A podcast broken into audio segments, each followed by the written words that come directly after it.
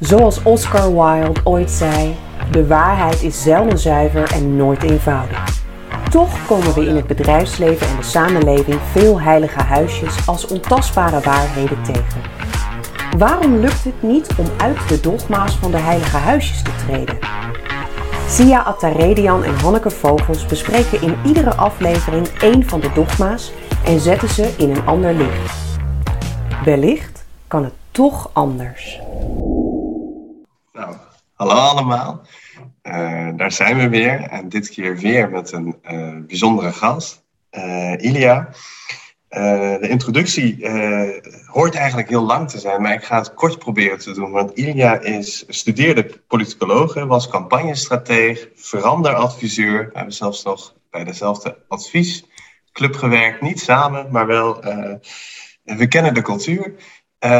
maar sinds 2014 is zij directeur van uh, Iedereen. En daarmee uh, nou ja, behartigt ze de belangen van 2 miljoen mensen met een beperking of een chronische aandoening. Dat doet ze niet alleen professioneel, dus niet alleen vanuit haar rol als professional, maar ook vanuit haar rol als moeder. Uh, kent ze dit thema door en door. ze heeft een zoon met Down-syndroom. Uh, verder, wat ik van Ilja gezien heb en kan weten, zet ze zich echt met passie en, haar volledige zijn in voor dit thema. Haar heilige huisje is dan ook sluit aan bij wie ze is, wat ze doet. Haar heilige huisje is het gemiddelde is de norm. Of is het dan de uitzondering bevestigt de regel, bevestigt de regel? Of is het dan toch de uitzondering is intussen gewoon de regel geworden. Of zo zou het moeten zijn, want de samenleving wordt steeds smaller en smaller. En wie kan er nog mee? Ilja, verwoord ik dat nog een beetje goed? Ja, ja, ik denk dat uh, het, het reeksje heilige huisjes uh, dat je noemde, uh, een mooie reflectie is van um, van mijn zoeken ook daarin. Van waar gaat het nou echt over? Hè? Wat is nou echt waarvan ik denk, nou laten we daar nou toch eens mee, mee ophouden. Maar misschien toen ik een, een tijdje bij iedereen werkte, toen heb ik op een gegeven moment een presentatie gemaakt voor allemaal mensen in uitvoeringsorganisaties. En daarvan was de titel De uitzondering is de regel. En en daarmee doelde ik inderdaad erop dat we alles aan het rationaliseren zijn en met algoritmes groepen aan het maken zijn en, en een soort van uh, paadjes aan het maken zijn waar langs mensen moeten passen in systemen. Maar alles wat niet past, en dat zijn we eigenlijk allemaal, uh, loopt daarmee spaak. En de neiging is om dan je te gaan aanpassen aan, aan, aan dat je weer wel past, maar dan ga je eigenlijk nou ja, op zijn slechtst gezegd ben je aan het frauderen. Misschien met jezelf of misschien wel met het systeem. Nou, daar, dat onderwerp, daar ben ik heel erg mee bezig. En eigenlijk niet alleen doordat ik nu uh, de belangen behartig voor mensen met een beperking, die dus, zeg maar, nou ja, statistisch gezien in de, in, in, in de, in de uiteinde van de normaalverdeling zitten op allerlei manieren.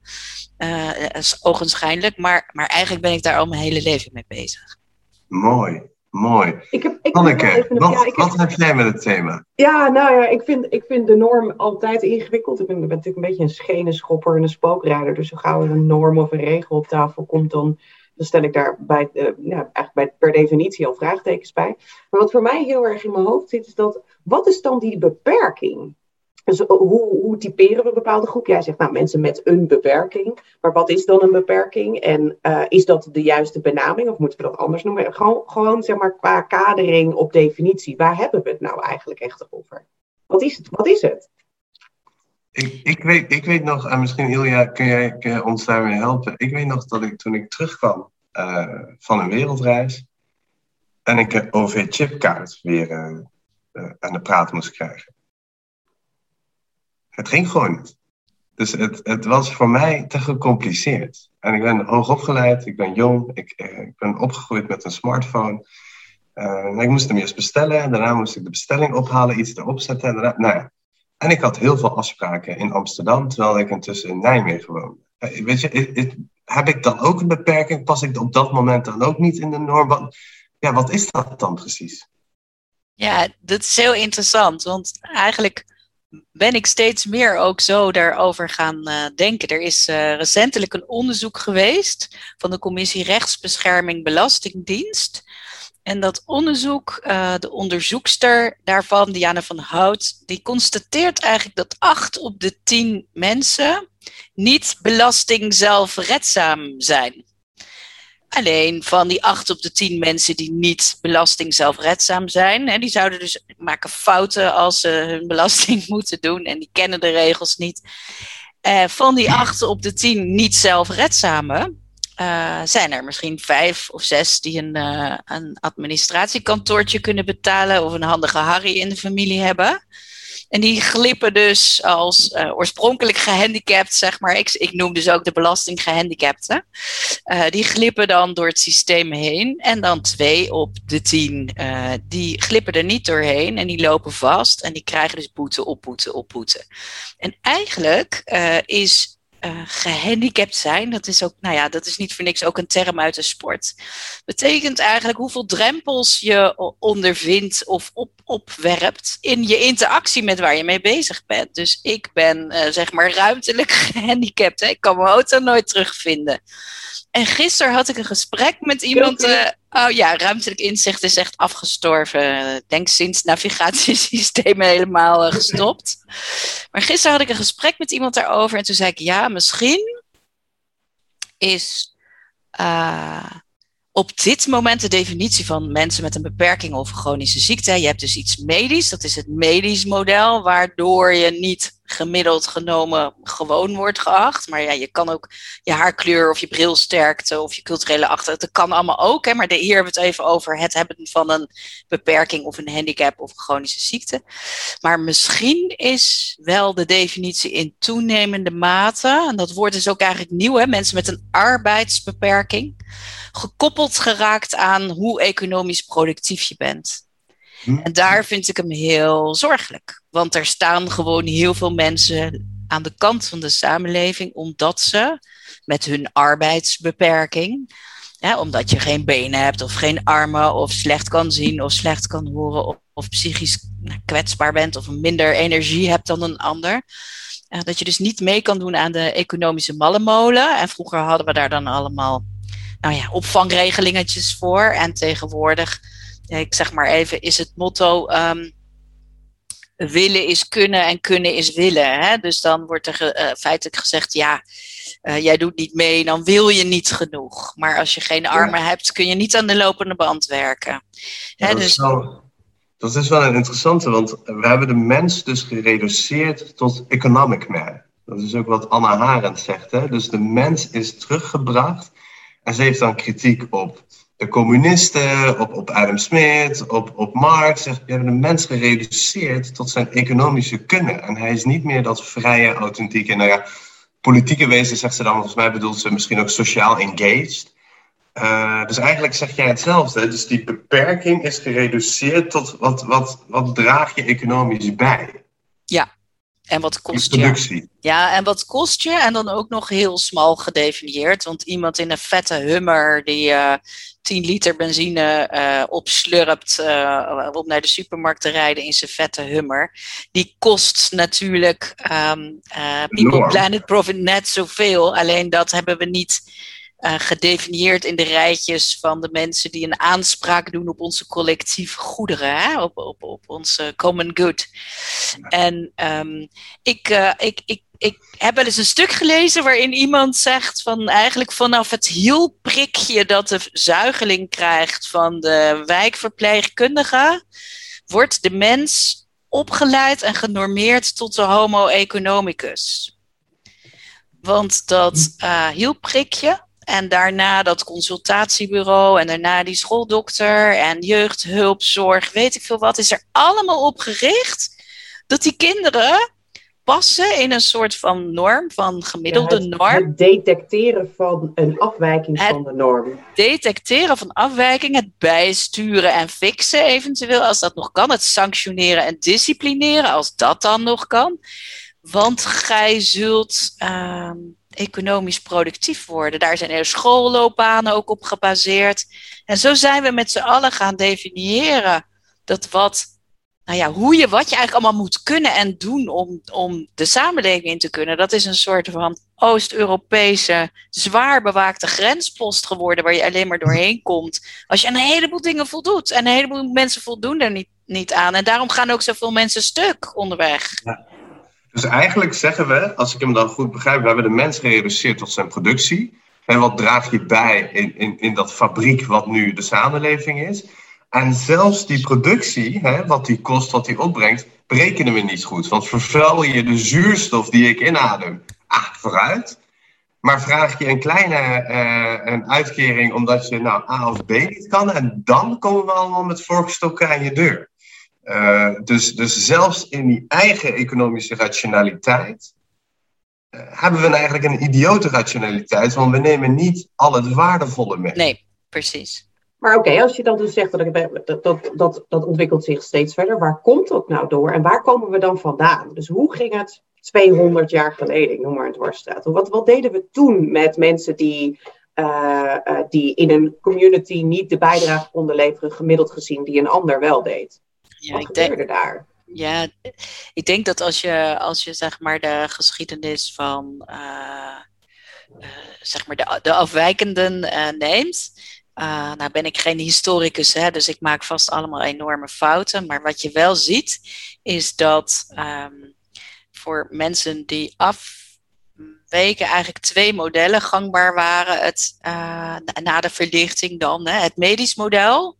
Dus als iemand iets medisch mankeert, dan gaan we hem repareren. Mm-hmm. En we repareren tot we erbij neervallen. Hè? En vroeger mochten ze gewoon. Arme mensen werden ook gerepareerd, maar die gingen dan wel eens dood. Nou, dat noemden we onderzoek. dus ja. dus uh, nou, repareren in het medisch model is nog steeds heel dominant. Dat zie je bijvoorbeeld met de enorme. Uh, uh, nou ja, eigenlijk de vlucht die het zorgstelsel, de kosten van het zorgstelsel worden voor een heel groot deel gemaakt, omdat we steeds aan het innoveren zijn hoe we mensen kunnen repareren.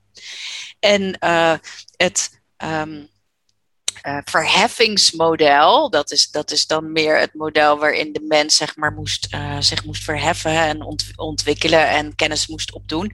Daarin zie je dat vroeger zeg maar, uh, dak- en thuislozen of zo, daar kwamen een soort van werkplaatsen voor. En dan werden ze ook gedisciplineerd. En eigenlijk doen we dat disciplineren nog steeds. Noem het wijk- en buurtwerk. En dat is allemaal heel subtiel. En dat is niet meer van, van dik uitzagen met planken, zoals vroeger de mannen die niet wilden deugen of alcohol verslaafd waren, die gingen dan naar zo'n voorziening waar ze met z'n allen sliepen en wakker en dan kwamen ze in een ritme. En, dan, uh, en eigenlijk zie je die twee uh, dingen nog steeds. Het medisch model en het verheffingsmodel. En er was altijd de Garitas. En de Garitas, dat waren dan nou ja, de rijke mensen en de kerk. Hè. De kerk hebben daar een enorm belangrijke rol in gespeeld. Om mensen die uit hun gemeenschap kwamen, die het niet gooiden. Daar werden dan huizen voor opgericht. Ik denk niet dat het daar heel feestelijk was. Hè. Ik denk niet dat we heel veel moeten mopperen. Maar... En die Garitas, die zie je ook nog in ons huidige model. Dus of je wordt gerepareerd, of je wordt verheven. En anders is het een grote gunst van wat we later de verzorgingsstaat zijn gaan noemen. Een grote gunst dat je gelukkig niet in de goot ligt in Nederland. En daar zijn we dan heel trots op. Maar als je kijkt naar die normaalverdeling, dan zijn mensen die een, een ziekte of een beperking hebben of een psychische kwetsbaarheid. Dus als je niet gerepareerd kan worden of als je hardleers bent, dan moet je het hebben van de gunst van degene die jou gunnen dat je dan toch maar meedoet. Ook op, en, dan, en eigenlijk zit daar nergens, en dat is het model waarvanuit wij heel erg werken, er zit nergens het model onder uh, dat je mensenrechtelijk gezien uh, enerzijds gewoon recht hebt op een dak boven je hoofd en een soort van bodem van de piramide van Maslow en een, en een soort bestaanszekerheid. Uh, en ook op het moment dat je dus afhankelijk bent van die gunst, dan uh, word je eigenlijk onderworpen aan wat Willemijn van der Zwaard van de Raad van Volksgezondheid en Samenleving, die is zojuist gepromoveerd, en zij onderzoekt dan ook het begrip hierin van de institutionele vernedering. Dus mm. zodra je afhankelijk bent van die gunst, en die gunst hebben wij geïnstitutionaliseerd in de verzorgingsstaat, uh, afhankelijk zijn van die gunst, word je ook onderworpen aan institutionele vernedering. En dat is, nou, daarin vind ik altijd de film I, Daniel Blake. ik weet niet of jullie die gezien hebben over Heel een man mooi. in, in Engeland die eh Ja, arbeidsongeschikt raakt door een hartaanval en dan helemaal down the drain gaat. Ja. Niet door zijn hartaanval, maar door het systeem. Dat is eigenlijk het toppunt. Dus dat zelfs als je gewoon doodziek bent, het, het systeem jou zo onderwerpt en knecht, omdat je wel moet voelen dat je een gunst ontvangt. Ja. Ja, en Ja, de, volgende, oh, sorry, sorry, gang. de, de volgende film van dezelfde regisseur, eh, Sorry We Missed You. Eh, ik zie je knikken, dus ik denk dat je die ook gezien Nee, ik heb hem hebt. nog niet gezien. Nee. Oh, echt doen, die laat zien wat de marktwerking doet met mensen die wel kunnen en niet beperkt zijn. En die op dezelfde manier eigenlijk vermorzeld worden. Ja. Dus die institutionele vernedering, ja, hij is er prachtig uitgebeeld in I, Daniel Blake. Ik begreep daardoor ook de Brexit. Wat, ik- wat voor mij onmogelijk was te begrijpen, maar ik begreep het daardoor.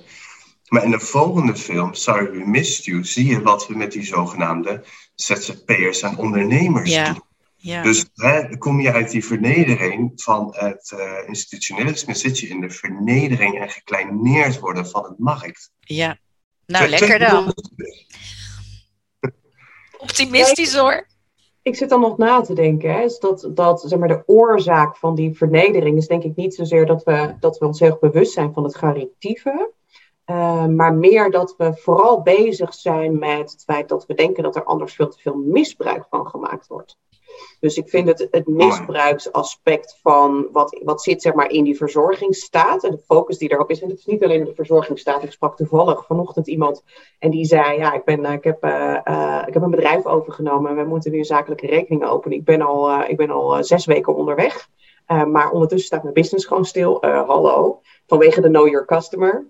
Waarin die banken eh, natuurlijk ontzettend veel werk moeten verzetten om eh, eh, zichzelf te controleren dat er geen, geen witwaspraktijken zijn. En eigenlijk dat 1% tot 10% van de, van de situaties betreft, moet daar 100% voor boeten.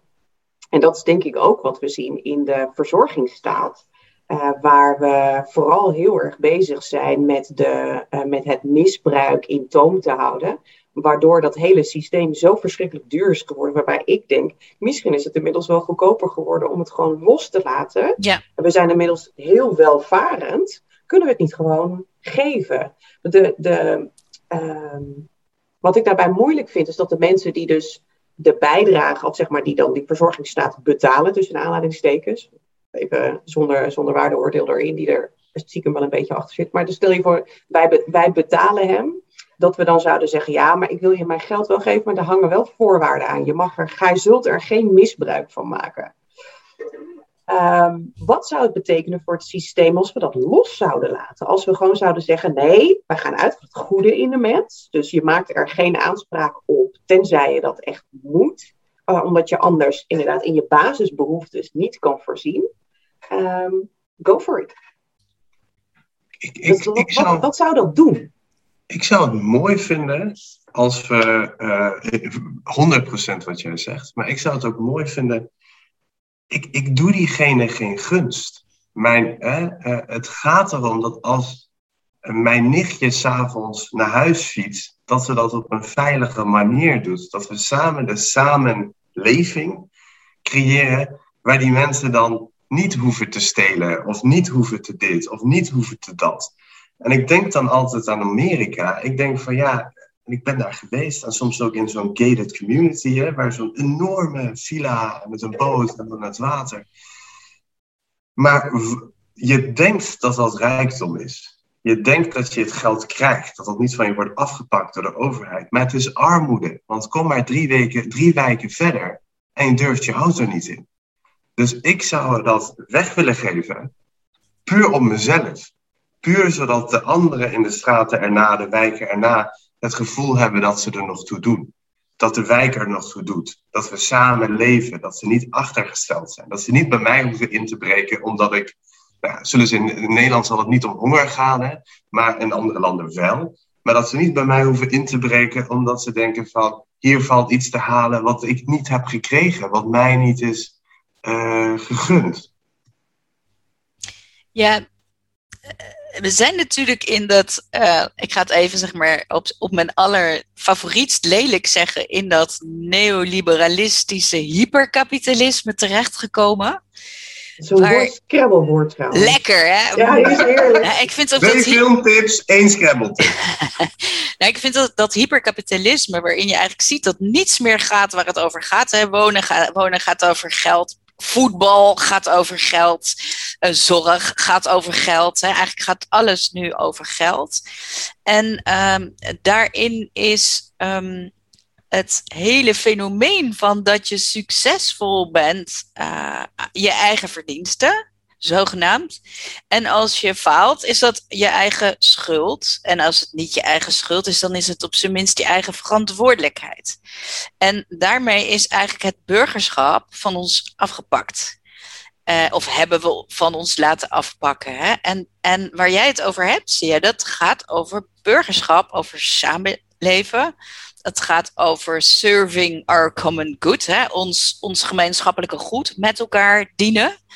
En in dat model van burgerschap en common good en sociaal contract, hè, van als overheid uh, doe je een aantal dingen en in ruil doe je als burgers dan andere dingen, dan zie je in Scandinavische landen, waar overigens ook een heleboel op aan te merken en af te doen is, wel dat het vertrouwen in de overheid veel groter is. De overheid is in die zin een veel betrouwbaarder partner. En dat mensen dus in ruil daarvoor eigenlijk heel erg bijdragen en tegelijkertijd daarmee ook weer hun vrijheid voor een deel kopen. En um, in het nadenken over wat zou nou voor mensen met een beperking, want dat is dan uiteindelijk de groep waar ik het meest uh, van weet, wat zou hen nou uh, op minder achterstand brengen, kom, komt heel vaak de gedachte van een basisinkomen in, in mij op. Uh, omdat zij uh, zoveel tijd kwijt zijn eigenlijk. Ze hebben een hele baan aan het managen van de bureaucratie die hen mm-hmm. die toegang ja. moet verschaffen tot al die aparte toeslagen en regelingen. En doordat ze daar een hele baan aan hebben en, en elke stap die je zet eigenlijk onmiddellijk gekwalificeerd wordt als fraude of oneigenlijk gebruik, zijn mensen eigenlijk gewoon niet meer in staat om te bewegen. We hebben echt voorbeelden van mensen met een Wajong-uitkering die dan uh, in dat jaar 200 euro te veel hebben verdiend en daardoor 1000 euro moeten terugbetalen. Weet je, dus ja. Ja, we, we zetten gewoon mensen. Krankjoren. Krankjoren. Ja. Nou, ik heb over na te denken, want je noemt het basisinkomen. En ik, heb, uh, ik volg dat al een beetje, al een aantal jaren een beetje op de, op, de, op de voet. Wat gebeurt daar nou en waarom krijgen we dat nou niet door? Hoe ingewikkeld kan het nou eigenlijk echt zijn? Maar ik, ik, ben op dit moment aan het lezen in een boek dat heet Predictably Irrational. En daar gaat het over, gaat het over ownership. Een van de dingen die in ons menselijk gedrag zit. Zo gauw wij iets hebben, dan dichten we dat heel veel grote waarde toe. Denken we ook dat het niet afgenomen kan worden. Uh, en gaan zullen we er ook voor vechten als iemand ons dat probeert af te nemen. Hence the gated communities. Uh, hence uh, belastingontduiking. De, dus, dus er zijn heel veel drivers in onze maatschappij. De manier waarop we het systeem hebben ingericht. Wat gericht is op ownership. En ja. ik denk dat op het moment dat je dus iets moet delen, dat dat ownership in het gedrang komt. Dus als je, um, en dan zie je dus ook dat communities waar eigenlijk geen ownership is, of waar, waar ze zeg maar, helemaal onder in die piramide van Maslow zitten, wordt er, dat is echt daadwerkelijk onderzoek, wordt er meer gedeeld. Is het gebruikelijker om die pot met eten gewoon in het midden te zetten en iedereen eet wat hij nodig heeft. Ja. Dus daar hoef je je eten niet te stelen. Je bent gewoon part of the community. Dus het maakt niet uit wat je bijdraagt. Je bent er gewoon bij. Ja. You're part of it. We hebben allemaal niet echt genoeg. Dus dan maar gewoon met z'n allen in hetzelfde schuitje. Maar dat stuk hebben we dus losgelaten, omdat er zoveel ownership is. Iets ik vind, dat, ik vind dat heel mooi geformuleerd van hoe dat uh, onderaan die piramide van, uh, van Maslow uh, eraan toe gaat. Hè? Dus ik kan, ik kan, me herinneren toen ik in Senegal was en ik had echt drie dagen niet gegeten. Dat is even niet goed geregeld met mijn stage, et cetera. Maar ik kwam ook in zo'n community die de pot dan met mij deelde. Met brood deed je dat allemaal uiteen. En dan met je rechterhand. Dat is een ander verhaal van een andere keer waarom het je rechterhand is. Maar en wat je dan met je linkerhand doet. Uh, maar uh, ik, ik, ik, moest aan denken, terwijl Ilja... Ik heb naar beide jullie verhalen geluisterd. En toen Ilja het stellen was, dacht ik... we, we ontwikkelen ons zodat die mensen met een beperking ook een plek hebben in de samenleving. En we ontwikkelen ons steeds verder, zodat ze, nou ja, we laten, niet meer, we laten niemand achter voor de volgen. Ja, nu is het de kerk, of we gaan ze repareren of verheven. Maar we proberen iets en we komen steeds verder. En hopelijk ook komen we steeds verder. Dus ik dacht, dit is een ontwikkeling die we in moeten zetten. En nu hoor ik jouw voorbeeld en dan denk ik van, ja, is die ontwikkeling wel ontwikkeling? Zijn we ons wel aan het ontwikkelen of zijn we aan het ontmensen? Of zijn, is die ontwikkeling creëerd tot robots die die OV-chipkaart wel heel goed kunnen, uh, maar die, die de buurman gewoon een dikke elleboog geven als die ook een appel wil. Dus ik weet nu niet zo goed of we naar boven gaan of naar beneden gaan. Ah, ja, super interessant. Um, in, in dat kader natuurlijk ook uh, uh, heel. Uh, de laatste twee boeken die ik echt achter elkaar heb gelezen met big impact waren Harari, Homo Deus en Clara en de Zon. En in allebei, Clara en de Zon is van Ishiguro, de Nobelprijs volgens mij. Um, en uh, het een is een roman en het ander is een historisch. Nou ja, uh, in allebei die boeken gaat het eigenlijk over hoe de mens uh, en de verdinglijk, de, de, het verdinglijkte vermenselijkt. Dus robots worden steeds meer mensen en mensen worden steeds meer robots. En de vraag die daaronder ligt is natuurlijk wat is, of is er sprake van en wat is dat dan?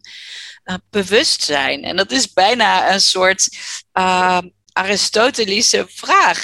Van wanneer ben je dan een goed mens? Of kan een robot ook een goed mens zijn hè? met een goed leven? En in Clara en de Zon, wat een hele mooie roman is over een meisje met een ziekte.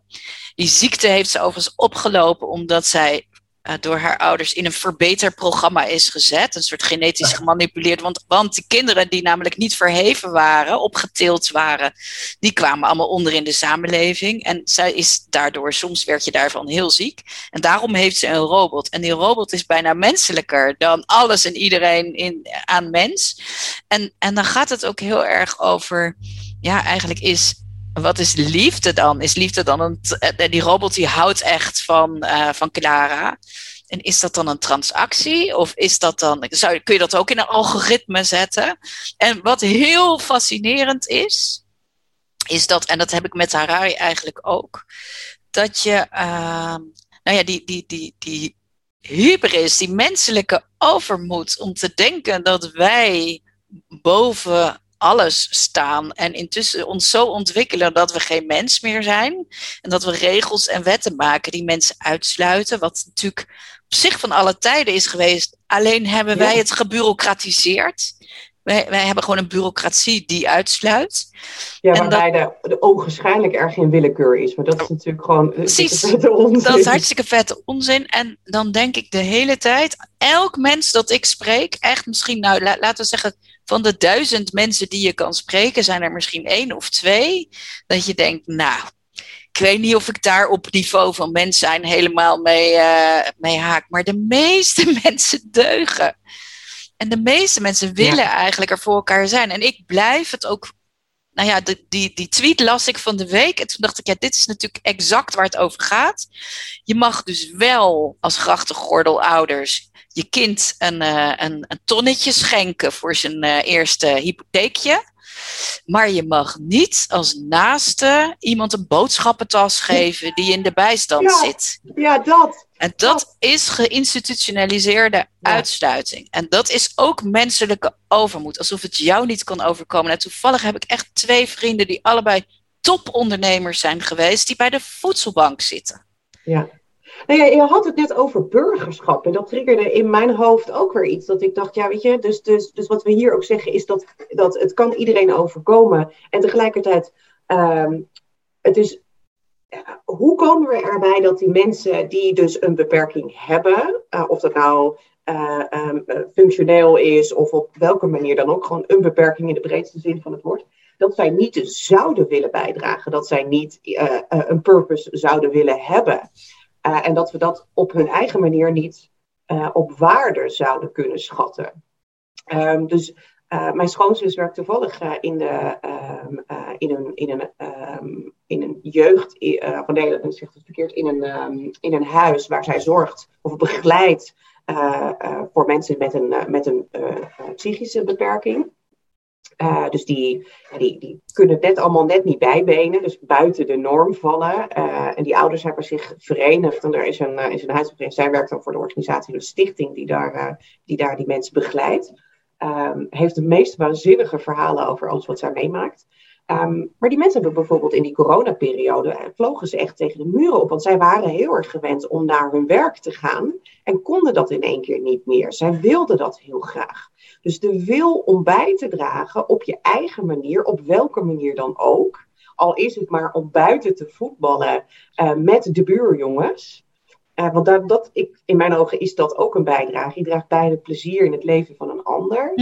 Um, die is er volgens mij bij ieder mens. Dus wij hebben allemaal van nature op een bepaalde manier de noodzaak of het gevoel van verbondenheid.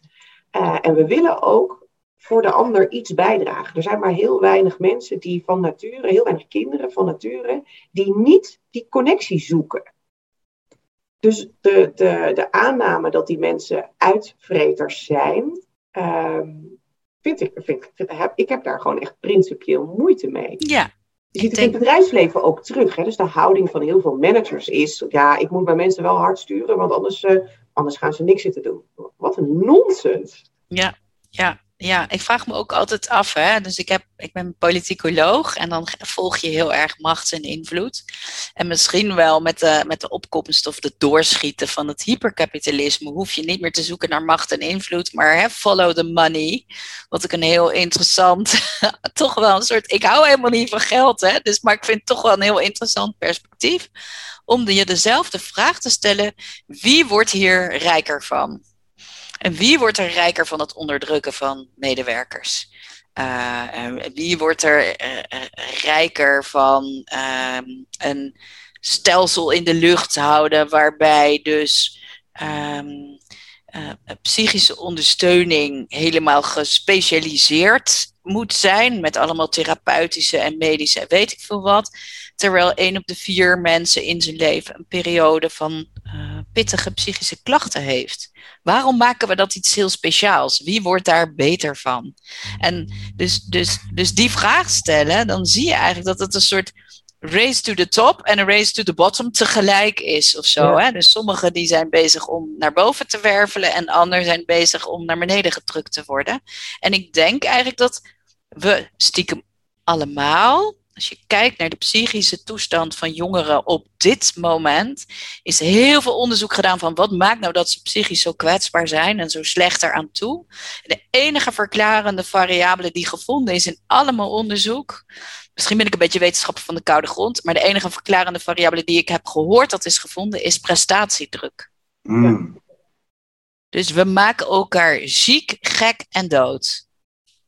Ja, ja, um, wij hebben het daar vaak over. Het is net alsof je naar onze podcast ook hebt geluisterd. Maar ik ben blij dat je het ook aandraagt. Wij hebben het hier natuurlijk heel veel al over mhm. gehad. Over uh, een van de podcasts die we hebben gedaan is de definitie van succes. Van wat maakt nou succes?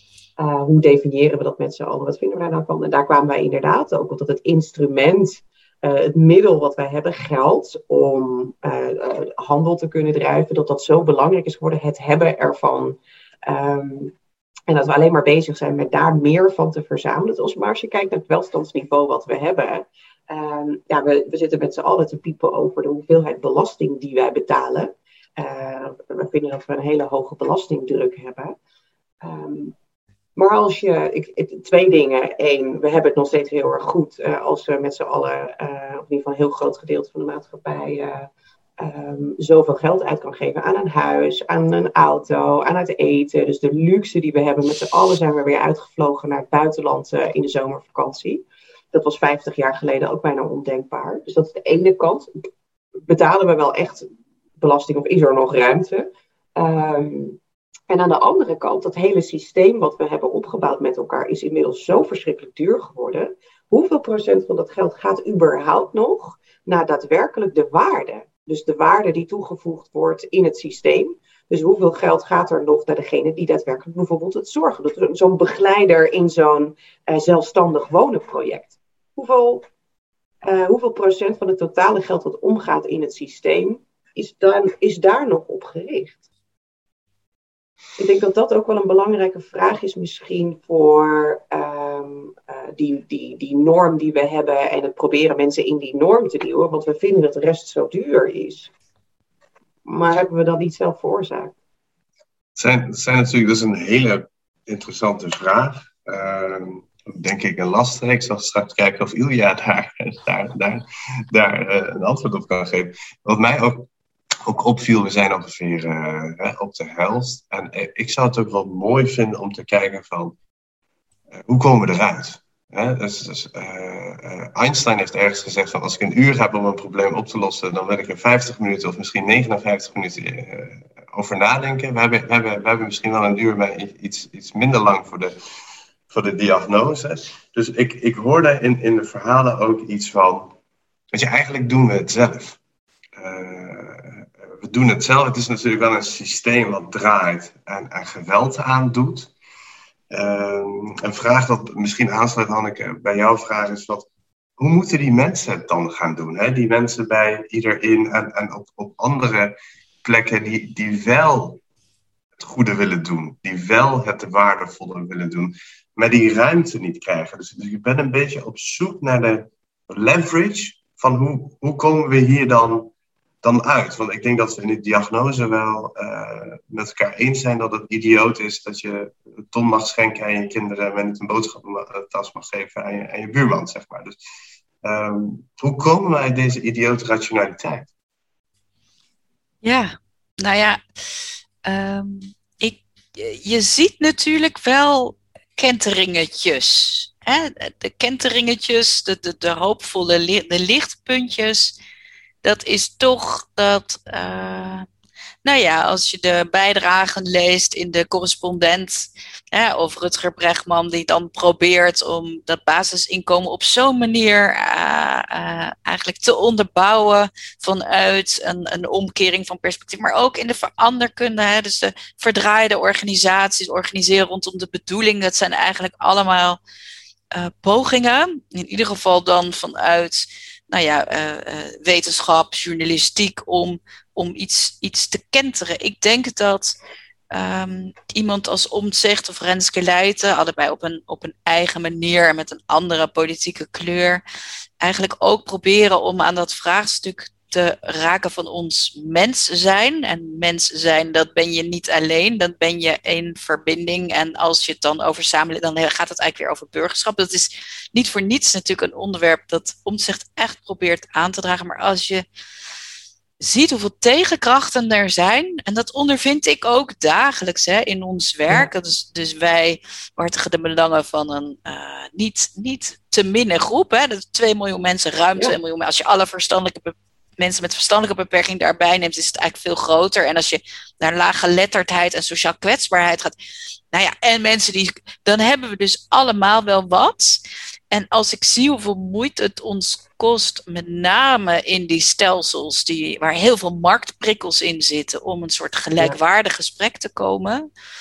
Uh, dan, dan hoop ik dus, van hoe komen we eruit? Het begint in ieder geval, en eigenlijk zeggen zelfs systeempartijen dat nu, dat een aantal financiële prikkels, misschien wel daar waar het gaat over ons collectieve goed, dat de financiële prikkels anders moeten. Of er misschien wel uit moeten.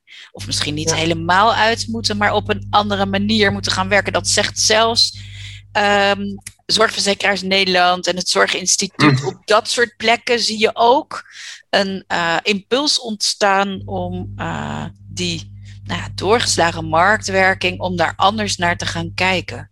Ik ben nog niet helemaal gerustgesteld dat dat de oplossing is, maar je ziet wel kentering. Is het, is het ergens mogelijk? Dat is iets wat ik probeer te doen. En ik heb daar de zweepslagen al van gevoeld. Uh, is het mogelijk, soms als je het goede wilt doen, kun je je werk niet goed doen. Dus als ik mijn werk goed moet doen, hè, moet ik die perverse prikkels volgen en uh, eh, en in dat systeem mee gaan draaien, waarvan we eigenlijk al, nu, nu een half uur, maar misschien wel tien jaar met z'n allen zeggen, dat is niet in orde. Dus om het goede te doen, moet ik eigenlijk bereid zijn om het niet goed te doen. Is dat iets wat jij herkent? Oh, dit is heel leuk. Intussen is hier ook iemand ergens aan het drill boren. Dus ik hoop dat het geluid... Uh, oh, wat heerlijk. Komt allemaal door mijn koptelefoontje. Over het goede doen. Ik heb een fantastisch boek gelezen. Het was eigenlijk omdat ik ergens iemand... Uh, ik, ik trof het woord aan, namelijk dat van de Intelligent Disobedience. En dat is een boek van een Amerikaanse schrijver, Ira Shalev. En die uh, uh, beschrijft dus hoe honden, even een heel klein omweggetje, honden die getraind worden als politiehond of drugshond of hulphond, die leren om orders op te volgen en het systeem ook te volgen. En het luistert super nauw, hè? Dat is, maar wat ze ook moeten leren is om daarvan af te wijken.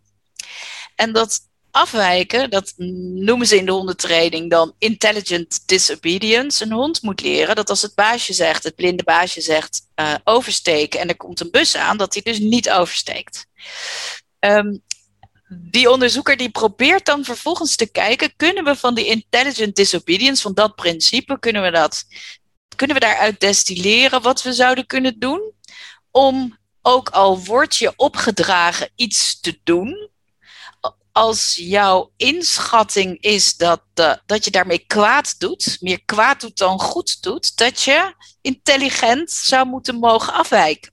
En dan onderzoekt hij de zorg, de politie, maar ook in de luchtvaart. En eigenlijk worden mensen daarin getraind om intelligent disobedience te zijn, maar onze systemen zijn nog zo. Alle ongelukken die worden onderzocht in de luchtvaart en in de, en de, uh, uh, in de uh, ziekenhuizen. Daar is heel vaak aan de orde dat dan de co-piloot wel iets ziet, maar het niet aan de piloot durft te zeggen en al dat soort dingen. Ja. En eigenlijk wat hij ons meegeeft, dus in, in de zin, dan zegt hij, hè, uh, to do right when what you're told to do is wrong. En dan zegt hij, dat kun je niet doen door het gewoon maar niet te doen. Want dan word je gewoon uit het systeem geknikkerd. Dat moet je dus heel, moet je heel behendig in worden. En die behendigheid die zit erin dat je wel aansluit, maar toch afwijkt. En, en dat aansluiten en afwijken, uh, dat is eigenlijk een soort, bijna een soort kunstkunde, afwijkkunde. Zullen we, zullen we de afwijkkunde? En, en er is een, heel, een, een wow. prachtig, ja, er is een prachtig voorbeeld van een verpleegkundige die een infuus moet geven aan iemand en zij is bang dat het verkeerde medicijn is. En ze zegt tegen de chirurg, ga ik niet doen. Uh, want ik heb geleerd dat. Ja, zegt hij, maar ik weet zeker in dit geval kan het wel. En, en dan geeft hij het voorbeeld dat zij dus alles klaarzet, infuus erin, alleen de pomp niet open. Dan nog een keer naar de chirurg gaat. En zegt, ik heb alles klaargezet, maar ik kan met mijn overwegingen en mijn professionele achtergrond niet een kraantje openzetten. Dat moet u doen, want ik ben er niet van overtuigd dat dit het juiste medicijn is. Wow. En dit soort afwijkkundige vaardigheid, wow. misschien moeten we die met elkaar gaan ontwikkelen. Want makkelijk zal het niet gaan. Ik weet niet of het gebruikelijk is om tijdens een podcast te klappen. Ja, ja, maar laten we het gewoon doen. Dit is afwijkkunde. Dus ik verzin hem ter plekke. Leuk, ik, dit is ik ga ermee verder ook. Ik denk dat dit helemaal is waar ik van ben. ik heb het ontdekt, ja. En, en, vanuit ons vak zeg je ook een aantal mooie dingen. Hè? Je zegt van je sluit aan. Hè, dat is misschien in de eerste orde verandering. We gaan het niet heel erg anders doen. Je sluit aan, maar je doet, je doet het toch niet. Ja. En dat, dat is vaak ook waar ik moeite mee heb. Hè? Even in een politieke organisatie, Geel Kaliwe, waarvan je zegt van ja, ga ik hier nou bij, en, en misschien de valkuil van Gele, ga ik hier nou bij aansluiten? Ja. Als ik daarbij ja. aansluit, doe ik wel de dingen, krijg ik wel de dingen voor elkaar die nodig zijn. Ja. ja. Maar ik wil juist van A naar B op zijn base. Ik wil juist moreel ja. uh, op mijn bestemming aankomen. En dan is die afwijkkunde is toch wel echt een soort van hogere jiu-jitsu, uh, wat je nu... Uh... Maar ik, ik denk ook dat, um, als ik dan, als ik zeg maar naar ons kijk, is dat die afwijkkunde iets is wat wij van nature op een bepaalde manier hebben. Ik denk dat dat een, uh, een Pieter Omzicht, we hebben het al vaker over gehad in onze podcast, maar het is omdat het zo'n mooi voorbeeld is, wat zo lekker in de media zit, die, is, die, die heeft wel voldoende in het systeem meegelopen om op een plek terecht te komen waar die daadwerkelijk die traan kan laten zien. Ja. Dus dat, ehm, er zijn heel veel voorbeelden van mensen die die afwijkkunde in de vingers hebben. Ja. Ehm, en, toch zie je dat zij wel moeite hebben om overeind te blijven. Dus, Ja. dus omdat dat systeem zoveel tegendruk geeft. Ja. eh, dus je moet ofwel dat loslaten. Dus je, op een gegeven moment ga je je conformeren of er helemaal uit. Of je, zoekt, je, je houdt het vast, maar je zoekt een andere omgeving. Zodat je weer fris kan beginnen Ja. aan, ehm, eh, aan datzelfde traject. Omhoog werken, ruimte zoeken en, eh en doen. Ehm, maar dat dat wel een hele, hele zware baan is. Het, het is het grootste.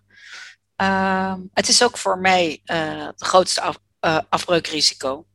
Dus ik ben nu zeven jaar bij iedereen en ik eh, ehm, heb de afgelopen kabinetsperiode vond ik het heel erg zwaar. Had te maken met corona, maar ook met de bewindspersonen, cultuur. Heel erg een Jim will fix it eh, cultuur. Hè, dat, dat, dat alles te repareren is met programma's en met goede voorbeelden en aanjagen en pilots en quick fixes. Terwijl we hebben hier te maken met een wicked problem en we mochten niet Ja. Hè, de structurele, stelselmatige uitsluiting en achterstelling van mensen met een beperking. Bijvoorbeeld dat maar 30% van hen werkt en dat het merendeel onder het bestaansminimum zit en dat een heel groot percentage geen passende woning heeft.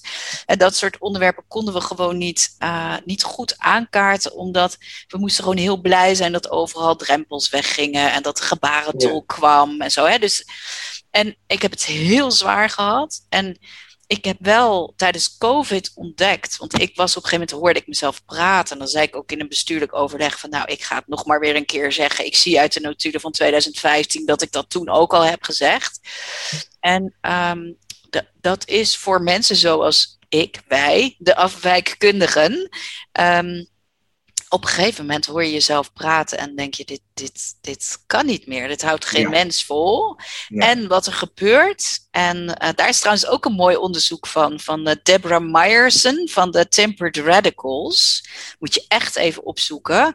Eh, haar motto is How to rock the boat without falling out. En je ziet dus dat mensen die dus proberen het systeem waarin zij opereren van binnenuit te veranderen, dat als dat niet lukt, dan heb je of dat de weerstand in jouzelf zo hoog wordt dat Ja. je uit de boot gaat, of de weerstand tegen jou wordt zo groot dat je uit de boot, Uit de boot gaat. wordt gekieperd. Ja. En, en, en ook zij zegt hè, dat aansluiten en afwijken, dat is het enige wat je kan blijven doen. En medestanders zoeken daarin. Maar ook Ja. voor mij hè, denk ik van nou, het hangt erg af van de komende kabinetsperiode. Of, of ik nog een keer zo'n hele ronde mee ga maken van de hele tijd maar eh, proberen om. ehm, eh, ja, eigenlijk de, dezelfde principiële zaken in een niet-principieel speelveld in te brengen. Ik denk dat we daar ook heel veel last van hebben, allemaal, hè, op allerlei niveaus. Ja, nou daar hebben we het natuurlijk ver- vaker over gehad, over waarde versus, ver- versus instrument. En hier is het instrument heel vaak eh, het geld, procedures en dergelijke, om uiteindelijk de waarde toe te voegen. Ehm, ja, wat ik, wat ik zelf. Eh, wat ik zelf veel om mij heen zie, waar we het ook vaker over gehad hebben, is meer dat de communities ontstaan. Dus dat je, dat je met elkaar, met mensen die er, eh, die, er een, eh, die, die er omgeven, op zoek gaat naar een oplossing. Hens de begeleid wonen projecten waar ouders zichzelf verenigen. Ehm, omgevingen waar mensen voor elkaar zorgen, waar dus inderdaad die tas met boodschappen naar binnen wordt gebracht. Waar je met elkaar zorgt voor een menswaardig bestaan eh, en geluk in het leven.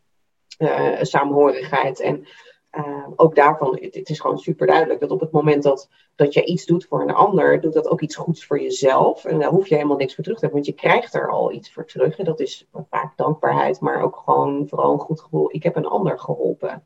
Dus het antwoord zit denk ik ook. Kijk, natuurlijk, die systematische verandering is denk ik noodzakelijk. Dat heeft meer te maken met hoe we kijken naar uh, waarde en, en de, de waarde van mensen in de maatschappij. wat nu gereduceerd is tot de monetaire bijdrage die men levert. Ehm, en uiteindelijk is, is de kentering daarin, die, die, dat moet een keer graag gebeuren, hoe dan ook. Uh, maar het begint wel ook weer vanuit die communities. Um, want het vechten tegen het systeem, wat een hele andere prikkel heeft, dat lukt niet. Dat gaat niet. Nee. Um, als, ik het, als ik het probeer in ieder geval voor mezelf samen te brengen, ik, ik vind dat afwijkende vind ik echt kunst. De kunst van, het, uh, van het afwijkende. Tegelijkertijd voel ik ook wel de spanning in de praktijk. Hè? Dus dat je, uh, dat is een heel mooi voorbeeld van die verpleegkundige. Maar als het vijf keer doet met vijf verschillende chirurgen en je denkt, zoek het maar uit. Uh, en ze wordt ingeroosterd van 1 uur s'nachts tot 7 uur s ochtends. Dat doet ze ook nooit meer. Dus ergens zit, een, uh, zit de oplossing in, ook in van hoe, hoe verhoud ik mij als individu met de wereld. En, mijn filosofische fascinatie is echt al heel lang tussen individu en systeem. Uh, om, om, nu niet in herhaling te vallen, de uitkomst zit hem ergens inderdaad, zoals, zoals Hanneke aangeeft, in die community. Uh, tegelijkertijd vraag ik me ook af van, los van het dagelijkse, nee, juist in het dagelijks bestaan, dus de kunst van het dagelijks leven, want je wilt ook thuiskomen en je wilt gewoon nog rustig iets kunnen eten. Je wilt uh, normaal in slaap kunnen vallen. Je wilt ook de rust hebben om nog een keer te gaan sporten. Dus juist in het kunst van het dagelijks leven, uh, hoe kunnen we dan iets van tegenspraak of tegenmacht bieden aan dat systeem? Oké, in communities met de methodiek van de afwijkkunde. En misschien een directe vraag aan ons alle drie wat kun je doen? Wat kun je concreet in handen doen? Uh, zodat het niet alleen, en voor, de luisteraar, maar ook voor mij en voor ons drieën, zodat het niet alleen een inspirerend verhaal is van uh, invloed uitoefenen, afwijkende, maar wat zou je concreet in handen hè, kunnen doen? Wie het weet mag beginnen. Uh, ik, zou, ik, ik zou eigenlijk zou ik deze willen combineren met natuurlijk het heilige huisjes, de afwijking van de norm. Is of Ilja vanuit zeg maar, het perspectief van de uh, van mensen met een beperking deze vraag kan beantwoorden. Van wat kunnen wij nou vandaag en morgen doen voor deze groep? Uh, zodat, zodat, we, um, zodat die, die, nou ja, die inclusiviteit van mensen met een beperking groter wordt. Wat Mooi, mooie toevoeging. Mooie toevoeging. Ja, ik denk eigenlijk dat. Um, en er is ook wel veel over geschreven trouwens in het kader van. Uh, zeg maar de achterstelling van mensen met een migrantenachtergrond. Hè? Um, door Weilen Anil Ramdas. Die heeft een prachtig artikel geschreven over de buitenstaander en de binnenstaander. En dat zelfs als die buitenstaanders proberen om zich volledig aan te passen aan de binnenstaander. En dat de binnenstaander dan wel weer nieuwe dingen verzint om de buitenstaander buitenstaander te maken. ja. Um, niets menselijks is ons vreemd. Uh, ik denk eigenlijk dat heel veel dingen waar we nu heel veel geld aan kwijt zijn om ze op te lossen, als zeg maar lekkende kranen uh, plassen. Dat ergens de kraan repareren um, begint bij bestaanszekerheid bieden. Als wij met z'n allen niet voortdurend in een struggle zouden zitten over bestaanszekerheid en ook het de nachtmerrie van als je bestaanszekerheid niet is gegarandeerd.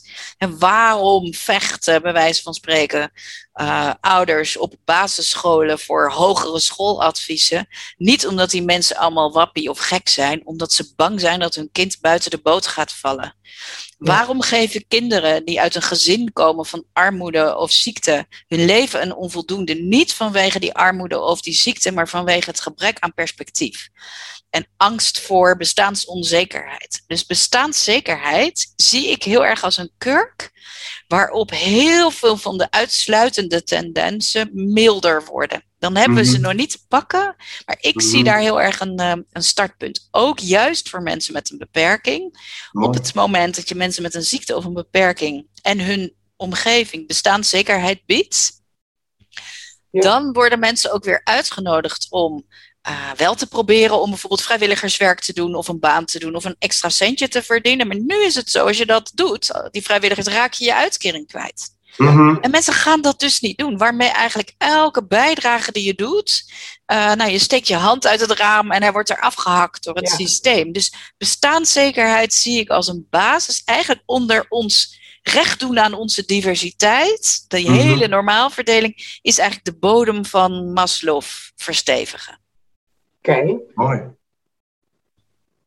Als je dat, zeg maar, dat, dat zit, hem, zit hem iets meer aan. Dus ik wil hem dan toch nog praktischer maken. Als ik nou, ik heb in mijn omgeving iemand met een beperking.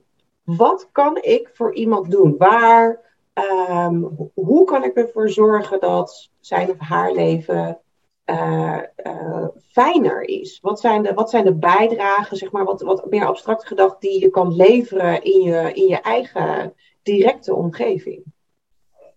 Ehm, ja, ik denk dat eh, normaal doen.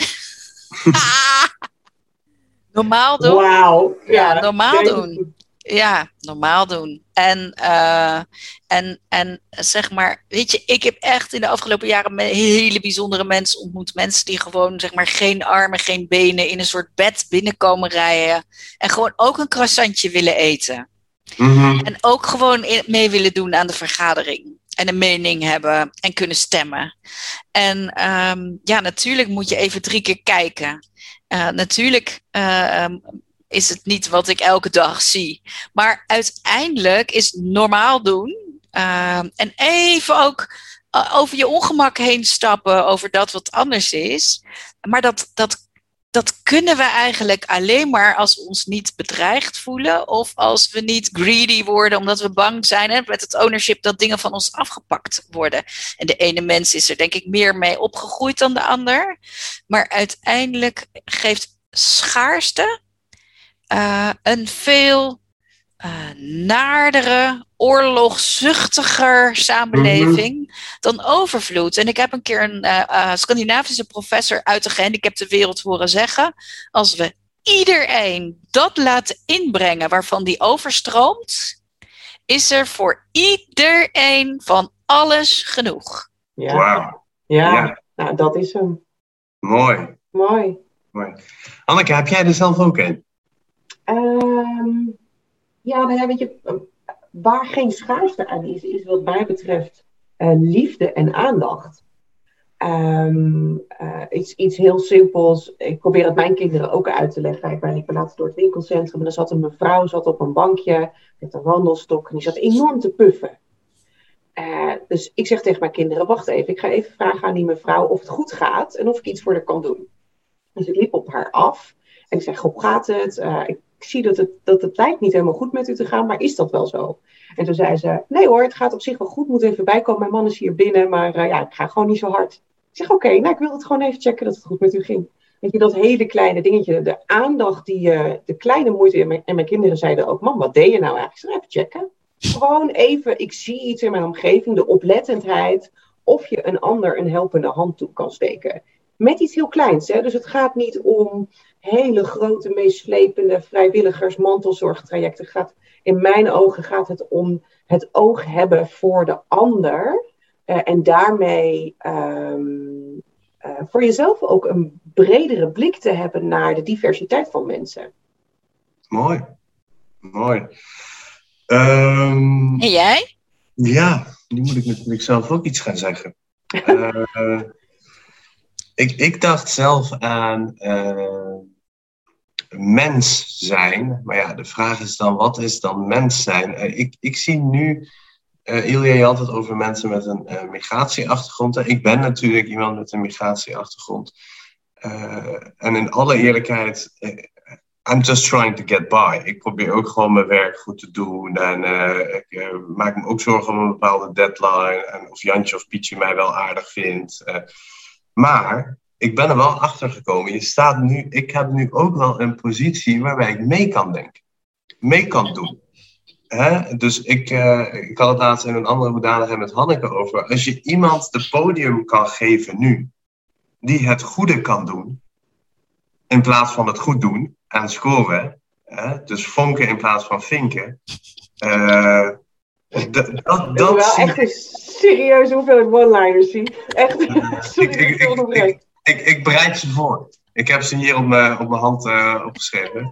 dus als je ergens die menselijkheid er, erin kan brengen, door wat voor manier dan ook, uh, and the damn with the consequences. Dus ik denk ergens ook wel, moet je wel durven te zeggen van, ik, ik zie dit systeem, ik zie hem draaien. Ik weet ook, als ik er nu een stokje in stop, of ik stap er zelf uit, dan flikkeren allemaal mensen eraf en dan wordt, is iedereen boos. Maar laten we ook een keer het moed hebben om het menselijke te doen. Dus ik zou, ik zou het menselijke terug willen brengen in systemen die heel heftig zijn. En ik hoop dan dat die community van zinnige mensen zich vanzelf uh, dan meldt. Uh, en dat is een hoop. En hoop dies last. Dus ik, ik blijf dat hopen. Dus het is misschien tien keer fout gegaan, maar misschien gaat het de elfde keer wel goed. Mooi. Wauw. We zijn, denk ik, tegen het einde aan uh, uh, beland. Uh, we hebben het natuurlijk gehad over mensen met een beperking. En, en daar ging het deels van, wat is nou een beperking? Mijn conclusie is, we hebben allemaal een beperking. Mm en dat zeg ik als iemand die dyslectisch is, die, die uit een andere cultuur komt, een spookrijder is, misschien een beginnend student in de afwijkkunde is. Dus, dus dat hebben we met z'n allen vastgesteld dat als we dat gaan normaliseren, al helemaal met de economische rationaliteit, dan sluit je niet alleen de ander uit, maar ook gewoon jezelf. In ieder geval een deel van jezelf. En de vervreemding in de samenleving, die ligt er niet op. Burn-out, angststoornissen, nou, ga zo maar door. En er zijn zat psychologen, zoals Dirk de Wachter, die zeggen van die norm, dat is misschien de afwijking. Hè? En hij zegt ook met de knipoog, dat zijn de psychopaten, de normale vallen van de boot We hebben het ook gehad over twee filmtips en een Scrabble-tip. Voor de oplettende kijker, uh, die heeft ze wel, uh, wel opgeschreven. En een aantal boekentips van, uh, van Ilja. Het mooiste vond ik dat, dat we ook samen geconcludeerd hebben dat hoe het nu gaat, dat dat niet houdbaar is, maar dat er ook genoeg mensen zijn die het anders willen doen. Ja. En die, die andersdenkenden, die kunnen het niet alleen doen. Dus daarin hebben we een plicht. Ik vind dat we een zorgplicht hebben naar jezelf, uh, naar de ander en ook naar de opgave. Hè, en de opgave is in dit geval ruimte maken voor iedereen die mee wil doen. En, die, en, en, en zoals Ilja zegt, één op de duizend die wil misschien niet meedoen. Of daar kun je op menselijk niveau niet mee handelen. Maar die 999 anderen, die willen allemaal wel. Ja, dus daar, daar, wil ik dan nog wel toevoegen waar we het ook over hadden, is dat, je, dat alle regels die er zijn om dat misbruikprincipe uh, continu te, uh, eruit te, uh, te, krijgen, dat we dat maar eens gewoon los moeten laten. Dus als je de kans krijgt om zo'n regel de deur uit te gooien, dat, het dan, dat het een mooi moment is om dat te doen. Ja, want zoals de waard is, vertrouwt hij zijn gasten. Dus eigenlijk zeg je daarmee als overheid dat je onbetrouwbaar bent. Wat ook waar is, want je bent de hele tijd je beleid aan het aanpassen. Dat is voor mensen zeer onafvolgbaar. En door dan te doen alsof jij de hele tijd de regels mag veranderen, maar anderen niet mogen proberen om die regels dan een beetje te, er doorheen te rommelen, dat is eigenlijk onjuist. Het is moreel ook onjuist. Ik word daar ook boos van dat de overheid de hele tijd de spelregels mag veranderen. En de burger niet eens een dag later zijn uh, belasting mag aangeven. Krijgt meteen een vette boete. Ja. Vanaf nu gaan we allen onze burgerschap pakken. Ja. Uh, zoals jij dat aangeeft. En proberen wij drieën, en hopelijk met drie andere luisteraars, uh, in ieder geval vanaf morgen iets zinniger te doen. Ik dank jullie allen. Dankjewel. Oh ja, Dankjewel, dank voor je, voor je tijd. Anneke, charming as always. Dank dat je er was. Uh, volgend maand, denk ik, of in ieder geval de volgende keer, hebben we René ten Bos. Uh, Denker des Vaderlands, of voormalig Denker des Vaderlands. We gaan het daar ook over de zorg hebben. Uh, René is in ieder geval een originele denker. Dus wellicht worden al deze nieuwe heilige huisjes die wij gecreëerd hebben, dan onderuit gehaald. Maar we gaan dat zien. Dank allen. Dankjewel.